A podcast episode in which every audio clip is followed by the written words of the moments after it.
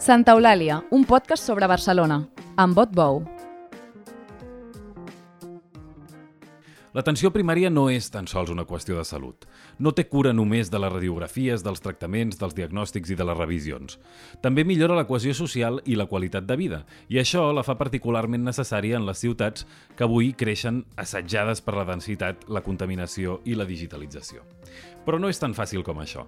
Amb el pòsit de l'experiència ho explica i ho detalla molt bé la doctora Meritxell Sánchez Amat, metgessa de família al Cap Besòs i presidenta del Fòrum Català de l'Atenció Primària. Avui parlem amb ella dels problemes de recursos i d'equipaments que tenen els CAP i de les desigualtats entre els barris de Barcelona en termes de salut. Tot seguit, a Santa Eulàlia. Meritxell Sánchez Amat és metgessa al Cap Besòs i presidenta del Fòrum Català d'Atenció Primària. Doctora Meritxell Sánchez Amat, benvinguda a Santa Eulàlia. Hola, bon dia. Gràcies per venir. Uh, de seguida ens posem a parlar de Barcelona, que de fet és el que volíem fer avui, uh, però la setmana passada el conseller de Salut, Manel Balcells, va dir va fer unes declaracions que han causat molta, molt d'enrenou en el sector de l'atenció la, primària a Catalunya, que és que va dir que la longitudinalitat, em sembla que ho he pronunciat bé, uh, està, va dir que estava una mica desfassada. No? Les paraules concretes que van fer servir que va fer servir era uh, que era un paradigma antic i, i que per tant s'havia de substituir. Uh, què, què, què en pensen des de la FOCAP?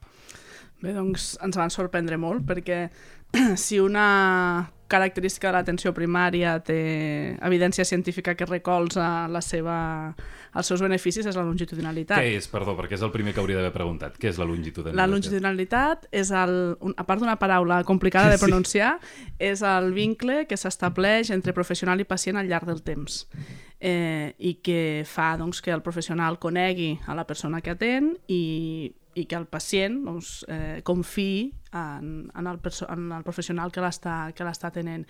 Eh, I això doncs, hem vist eh, amb estudis que s'han fet a molts països i al llarg del temps que que té un efecte directe en la salut de la gent, un, un efecte positiu. Mm -hmm. mm, en què és concret aquest efecte? Millora la, el seguiment de el control de patologies cròniques, millora la, el compliment del tractament per part dels pacients, millora, redueix el número de proves complementàries, redueix la derivació a especialistes i les dades més, més contundents, que a més es van publicar fa poc, en un estudi fet a Noruega, a gairebé tota la població, deia que si tens el mateix metge 15 anys, la mortalitat es redueix en un 25%, les visites a urgències en un 30% i els ingressos hospitalaris en un 28%. Per tant, estem parlant d'un impacte directe en la salut de les persones.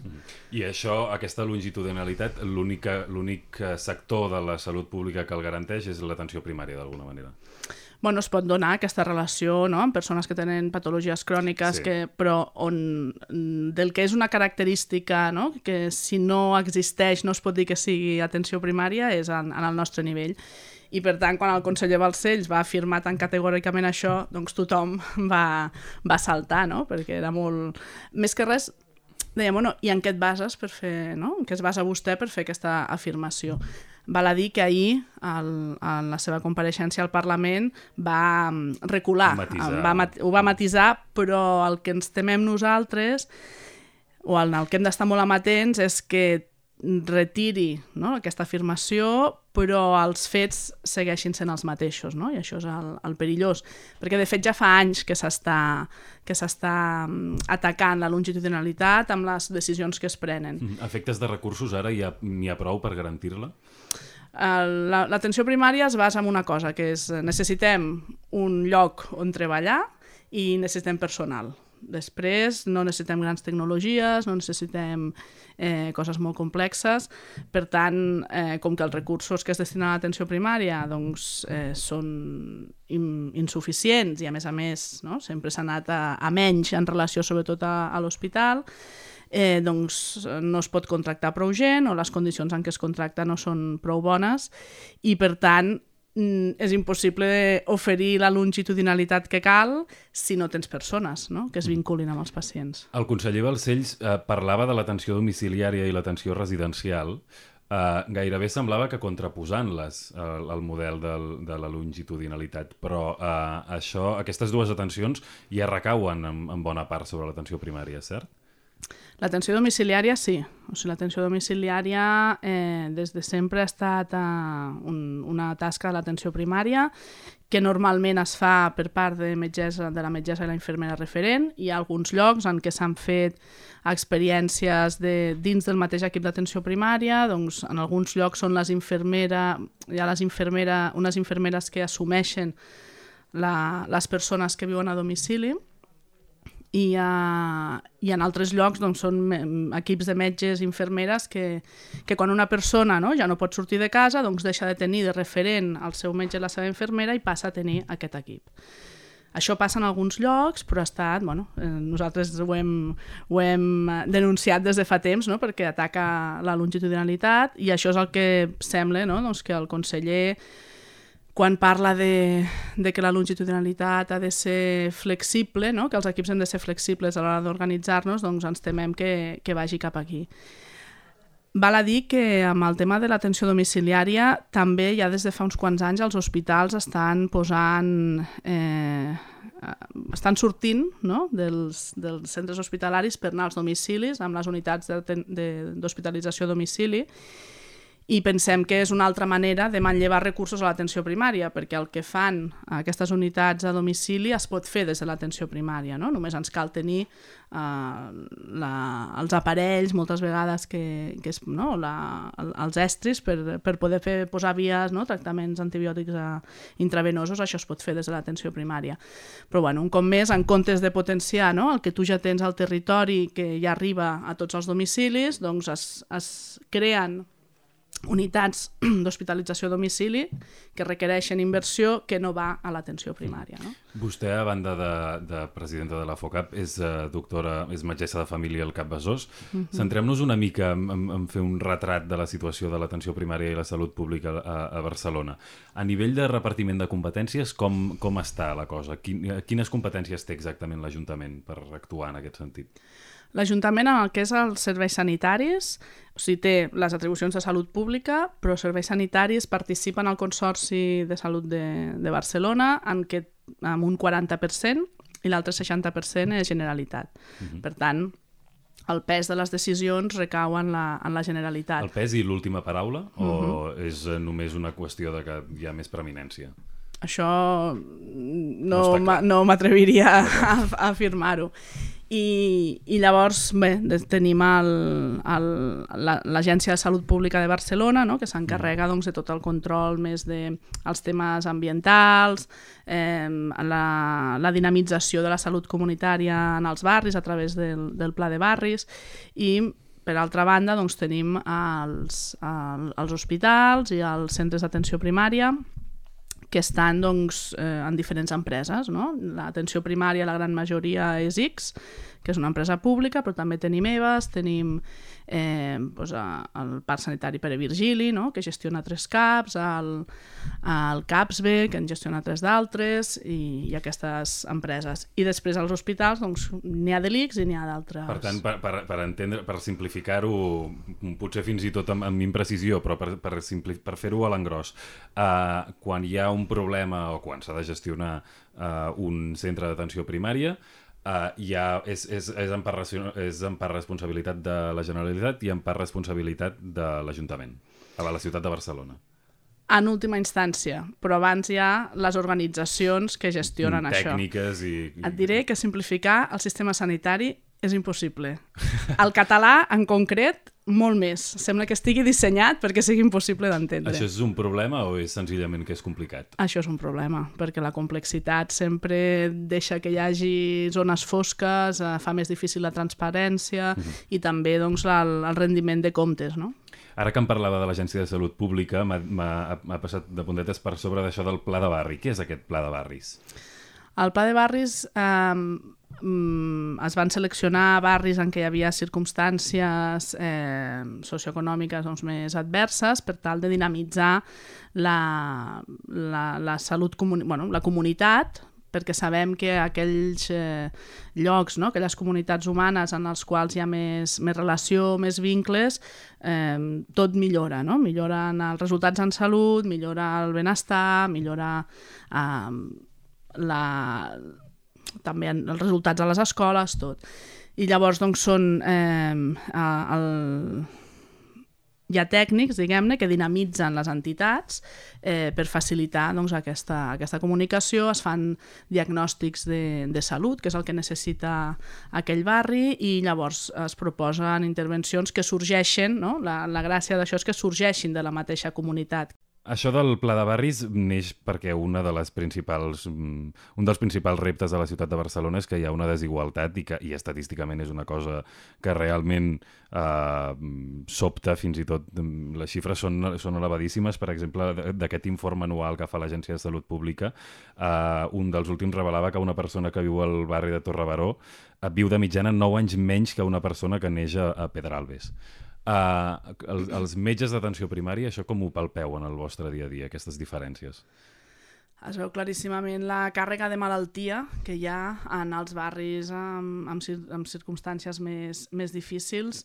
Eh, veus, no? O sigui, el, això parla del que són els determinants socials de la salut. A vegades hi ha la temptació, i això ho fa molt la, la nostra medicina, d'individualitzar les causes no? de la malaltia. No? Està, si malalteixes és perquè fumes, perquè no portes una vida sana, perquè eh, no descanses prou, no? tot sembla que sigui una decisió individual.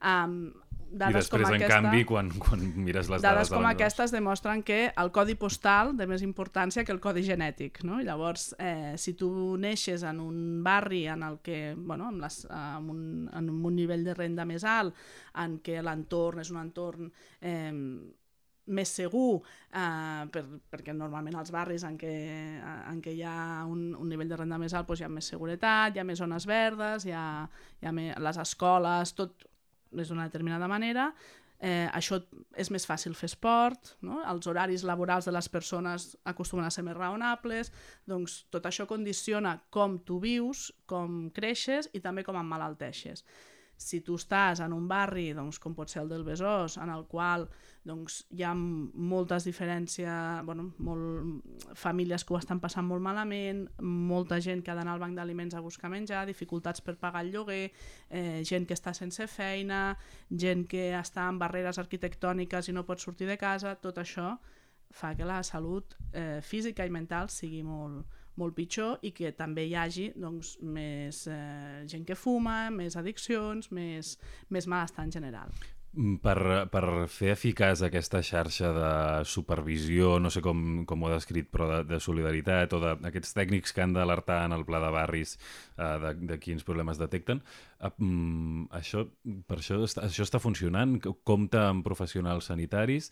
Eh, hi ha prou recursos perquè això funcioni bé? L'atenció primària, en diem atenció primària i comunitària. Eh, forma part de, també de les nostres, de les nostres atribucions eh, i tenir, eh, ten, saber on estàs treballant, saber com és la vida de les persones que viuen en aquell barri, saber de quins recursos disposes, disposen ells i pots disposar tu no? per informar-los, no? doncs persones grans que estan, que estan soles, doncs saber que, que, que hi ha el casal d'avis, quines activitats hi fan, poder-los no? remetre, remetre allà, eh, saber també quines són les, les problemàtiques de la gent que viu allà, si hi ha problemes amb l'abastiment energètic, si hi ha gent no? Que, que no pot pagar les factures, tot això eh, és passar consulta des de, la, des de la comunitat i en la comunitat. No? Llavors això forma part de la, de la nostra feina. Mm -hmm. Hi ha una altra dada que crida l'atenció d'aquest informe que dèiem, i és que, per exemple, els embarassos d'adolescents a la Trinitat Nova multipliquen per 5 els de la mitjana de la ciutat. Eh, clar, és això, no és només una cosa de salut, és una qüestió social de més abast. És que això es reflecteix en absolutament tot. Mm, els embarassos, l'índex de conflictivitat social, els resultats acadèmics, absolutament tot està tenyit per aquests determinants socials de la salut i de la vida, podríem dir, no? No només de la salut, sinó de la vida. Llavors, eh, in, influir no? en, en, en això hi ha moltes maneres, però eh, sabem que fer comunitats fortes, comunitats que s'ajuden, comunitats que es tenen presents els uns als altres, eh, millora, pot ajudar no? a, a, a millorar aquests resultats. Mm -hmm. hi, ha un, hi ha un exemple que ha estat objecte d'atencions electorals els últims anys, que és el CAP del Raval Nord, que és un edifici molt atrotinat, amb humitats, amb, amb el mobiliari molt antic, uh, i fins al punt que, que els, els metges i els usuaris i, i les infermeres denunciaven que afectava, dificultava el seu ús normal i fa quatre anys i, i n'hi ha continuat havent, hi va haver manifestacions i tot. Uh, I la infermera Antònia Raya, que és vicepresidenta precisament de la FOCAP, explicava que, que des del CAP uh, anaven veient durant les obres de la, de la biblioteca de, de la Universitat Blanquerna, de la Facultat Blanquerna de la Ramon Llull, que està just davant, que anaven fent un edifici uh, magnífic i esplendorós amb vidres i que estaven molt contents els professionals del CAP perquè pensaven, mira, finalment ens estan fent l'ampliació que fa tant temps que demanem i no, és, era, era, era la biblioteca, no? I que hi ha hagut uns quants episodis com aquests. Ah, no ho dic per entrar en el debat, evidentment, de si la biblioteca era necessària o no, que segur que sí, però, però fa una mica la sensació eh, que a nivell d'equipaments i a nivell d'infraestructures els CAPs sempre, sempre queden, i particularment en, en barris desafavorits com el Raval, sempre queden eh, al final de la cua, no? Jo vaig arribar al Besòs a treballar el 2007 i llavors havíem de...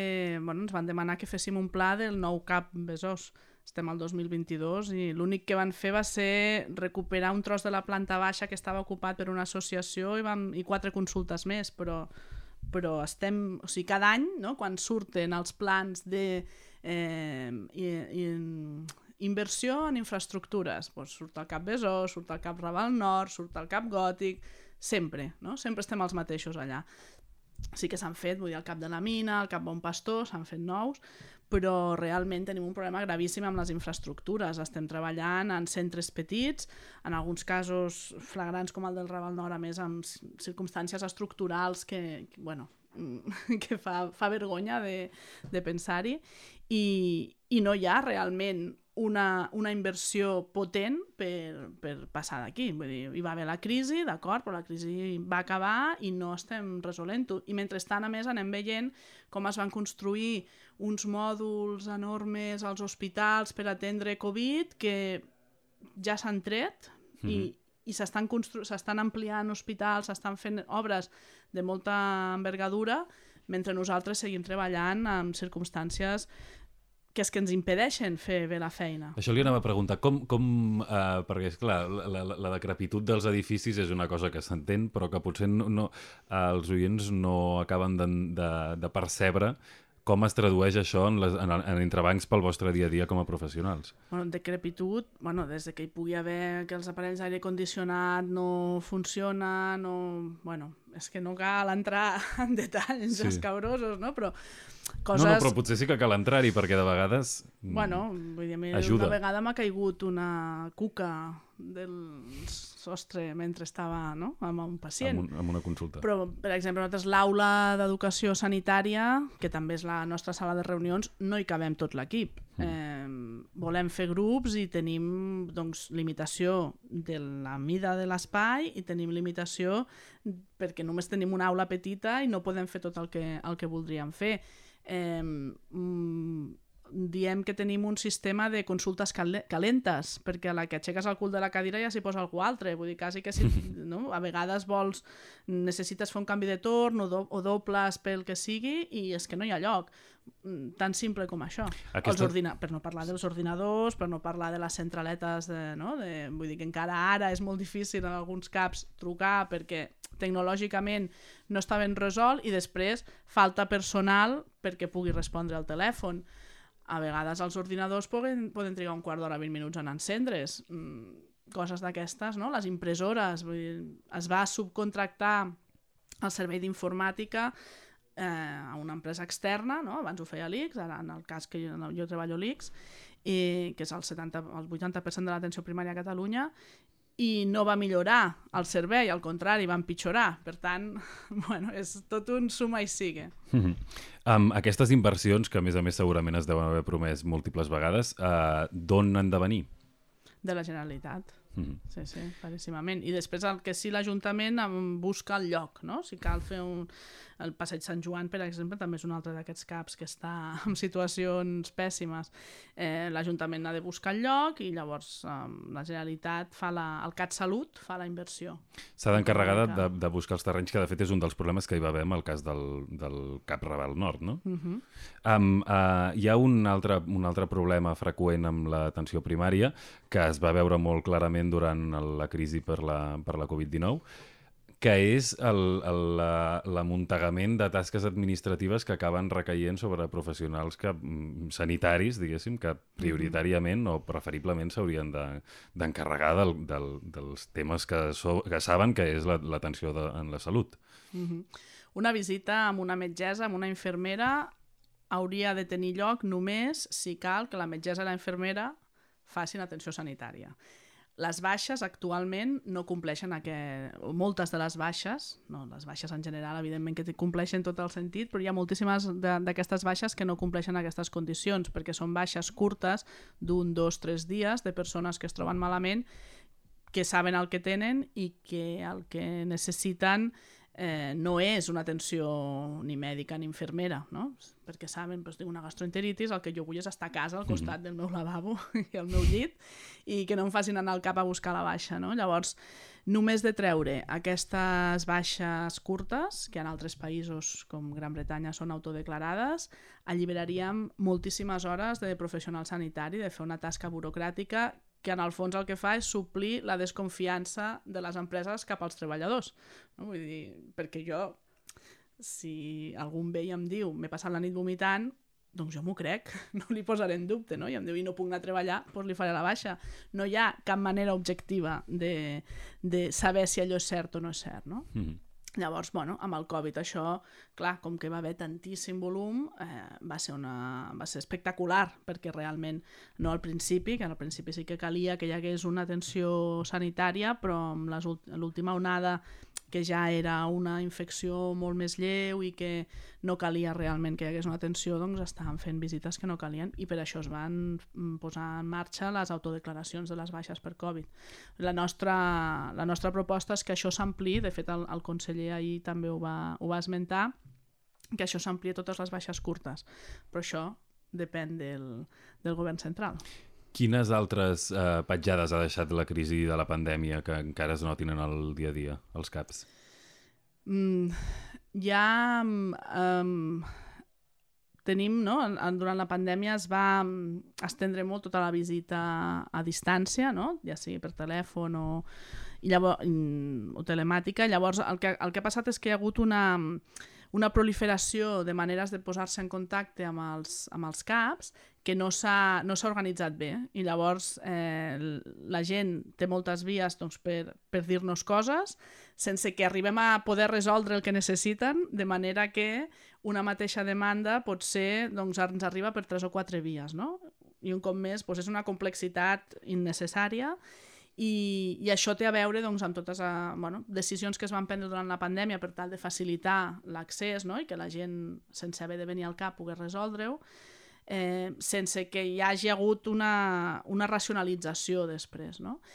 I, I bé, jo crec que també hi va haver un, un distanciament entre professionals i pacients que, que ens, ens fa molt mal, no? Ens fa molt mal ens va fer molt mal al seu moment sentir certes coses, no? de quan eren moments difícils, no es, no es va explicar bé com estàvem treballant als, als CAPs, llavors hi havia moltes vegades la, la idea de que no estàvem treballant, quan en realitat el que estàvem era treballant de manera diferent, intentar que la gent no hagués de venir per atendre'ls, mm -hmm. i la gent el que percebia és que no els volien veure, no? Hi ha hagut situacions eh, en llocs concrets que no són desitjables, però en general la majoria d'equips eh, doncs això és el que, el que intentàvem. No? I llavors això ha creat com un estat d'opinió generalitzat de que els CAPs no treballàvem, de que els CAPs no volien veure la gent i això jo crec que una mica de ressaca queda. No? Llavors caldria fer un esforç molt gran per part també del, de, del, del govern, no? que, que tenen els, eh, les capac la, la capacitat d'informar d'això no? i de fer campanyes doncs, d'explicar com estem treballant. Mhm. De vegades li he sentit dir que el model sanitari català és hospitalocèntric. Eh, com funciona, la, què vol dir exactament, i com funciona la coordinació entre els CAPs eh, de Barcelona i els hospitals que hi ha a la ciutat? Mm, jo diria que el sistema sanitari en general és, és bastant hospitalocèntric i el català també. Um, bé, la, això es basa en que, o sigui, el, el que vol dir és que d'alguna manera la idea és que allà on es resolen els problemes, allà on, on, on trobarem no? el que busquem és a l'hospital i llavors és allà on es posen la majoria de recursos no? I, i d'alguna manera l'atenció primària subalterna doncs, aquest, aquest, aquest nivell assistencial. Eh, això genera molts disfuncionaments perquè en realitat el que s'ha vist que aporta no, més bons resultats, el que millora la salut de la població és una atenció primària forta, que funcioni, en què es puguin establir aquests vincles entre professionals i, i pacients. I una atenció primària que tingui capacitat de decisió, que puguis eh, dir-li a, a, a la, a, als altres nivells mira, ara necessitem això, prioritza aquesta pacient que viu sola, té cataractes, aquesta l'has d'operar urgentment, no? perquè si no pot caure i encara les conseqüències seran pitjors, eh, poder no? eh, accedir directament, per exemple, a ingressos hospitalaris no? I, i que s'escolti la, la, la nostra veu. Actualment això no passa. Actualment la, la relació entre els hospitals i l'atenció primària, a més a més, ha empitjorat amb la pandèmia. Em preguntaves abans pels, per les conseqüències, aquesta seria una altra de les conseqüències. Es van posar en marxa sistemes de derivació eh, sense el pacient, no? abans nosaltres fèiem la derivació i llavors l'especialista focal visitava aquell pacient uh mhm. -huh. i ara doncs, en alguns llocs ja es feia d'abans, però eh, bueno, tu envies d'alguna manera l'especialista focal llegeix quines són la, quina és la teva derivació i decideix què fa amb aquest pacient. No? I a vegades, doncs, re, sense haver vist el pacient, decideix no, no visitar-lo. No? I això doncs, està causant molts, molts problemes. També estem veient no, que a nivell hospitalari eh, hi ha llistes d'espera, moltes visites que es fan telefòniques, que potser doncs, eh, no haurien de ser telefòniques, que no està justificat ara avui en dia que ho, que ho siguin. I, I després, malauradament, hi ha molts casos, eh, l'hospital en general viu d'esquenes a l'atenció primària. És com que a vegades és com existeix vida intel·ligent fora dels hospitals Eh, coneixem els pacients, coneixem com, com viuen, mm, pregunteu-nos perquè tenim molta informació a, a donar no? Mm. I, i informació que pot servir per decisions que, que prendreu vosaltres. Eh, jo diria bueno, que això és una de les, dels, dels punts que s'ha de treballar de manera molt forta i que s'hauria també de, de potenciar amb mesures econòmiques. No? D'alguna manera, si jo l'hospital que dona atenció als nostres pacients doncs no està fent-ho de la manera adequada, hauríem de poder canviar. Llavors, tot seria diferent. Per parlar de desafiaments futurs, un dels, uh, una de les petjades que precisament ha deixat la pandèmia és que hi va haver, mm, com a mínim, just quan s'acabava, eh, o amainava un esclat de casos d'empitjorament de salut mental. Això mm, s'ha mantingut? Com, com està en aquests moments? Això no millorarà perquè la crisi econòmica que ens ve a sobre també generarà molt patiment, està generant ja molt patiment. Mhm. Eh, ja ho vam viure amb la crisi anterior i sabem que això mm, és una un dels, dels principals, eh, de les principals causes de malestar emocional. Eh, D'això se'n cuida l'atenció primària, també? Tam també. Tenim nosaltres l'atenció primària, en, aquest, en aquesta casos tenim... O sigui, hem de diferenciar què és malestar emocional relacionat amb les circumstàncies i hem de poder posar aquest nom, explicar a les persones que el que els hi passa doncs, no és que tinguin una depressió que els hi ha sortit a ells perquè sí, perquè tenen un, una malaltia i ja està, sinó que les circumstàncies que estan vivint els estan generant un patiment que pot acabar desembocant en una depressió. Mm. Però assenyalar quin és l'origen d'aquest malestar moltes vegades pot resultar mm, alliberador per la persona, no? que, que veu que no és una situació individual, sinó que és compartit amb altres persones i mm, pot ajudar a que busqui una mm, sortida per altres vies, que no sigui només la medicalització.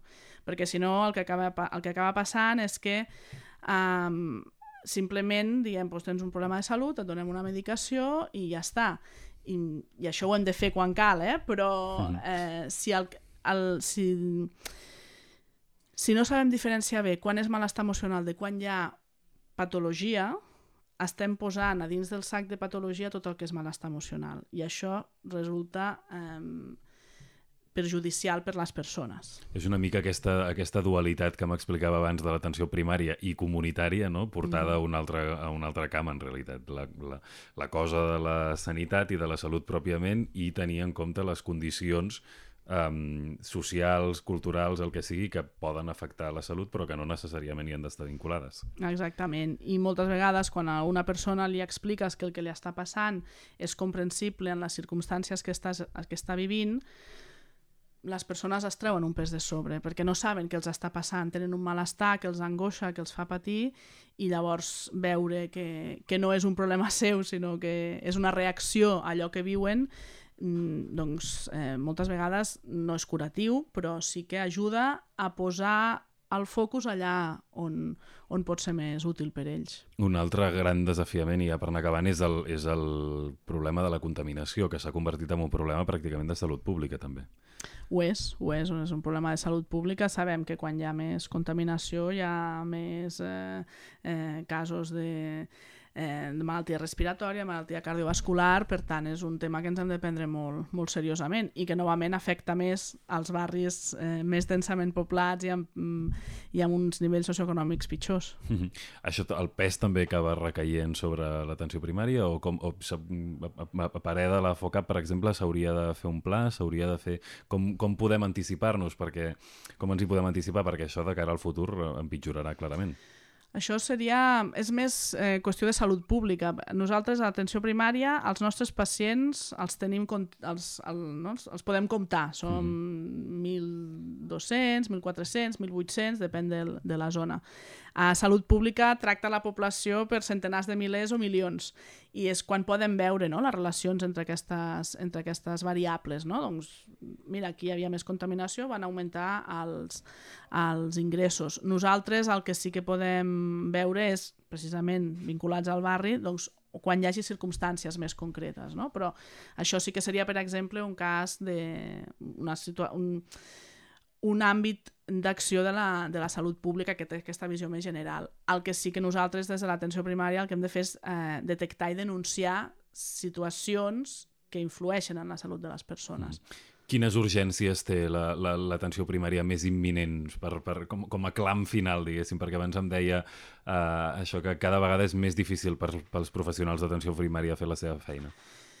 Mm, bueno, necessitem infraestructures i equipaments amb, amb condicions i necessitem eh, millors condicions per fer la, la nostra feina i necessitem temps per, per poder dedicar no? a, a, a estar amb les persones i també a, a, com, a fer a compilar tota la informació que tenim sobre elles en el, en el sistema, que és moltíssima. S'ha de gestionar més informació que fa 20 anys, em deia abans. Moltíssima més, sí, sí. A part de que les persones, eh, doncs, amb l'augment de l'envelliment, doncs hi ha molta més morbiditat, no? La gent acumula més, més malalties i, per tant, són persones, pacients més complexos i tenim més informació sobre ells, no? Llavors, per tal d'ajudar-los necessitem més temps. Uh, jo crec que el, el, un dels nostres reptes també és poder explicar, poder explicar-nos, no? poder explicar a la, a la població què és el que fem, perquè hi ha molta gent que sí que ens coneix, no? els nostres usuaris, que acostumen a ser doncs, gent més de classe mitjana, baixa i baixa i gent més gran, i en canvi hi ha tot un sector de la població, les classes altes, les classes mitjanes, que eh, d'alguna manera ens veuen com una barrera per accedir allà on resoldran el problema, que són els especialistes focals i els hospitals, i per tant moltes vegades recorren a les mútues. Fer això va en detriment de la seva salut, perquè eh, no tenir un metge, una metgessa de capçalera que et, vagi, que et faci aquesta visió global empitjora la, la salut. L'accés directe als especialistes focals eh, també l'empitjora. Per tant, eh, d'alguna manera, poder explicar què fem, poder explicar què oferim, també en, aquesta, en aquest sector de la població és molt important. D'alguna manera jo crec que ens han, ens han oblidat eh, i ens obvien. No? I, I bé, en això doncs, eh, hi posarem els esforços. Uh, moltíssimes gràcies, doctora. A vosaltres. Recordeu que podeu escriure'ns propostes, dubtes, suggeriments o comentaris al correu santaeulàlia.vilaweb.cat santaeulàlia.vilaweb.cat Fins la setmana que ve. Santa Eulàlia és un podcast de VilaWeb presentat per Otbou amb Carles Garcia al servei tècnic i a les veus Maria Castanyer.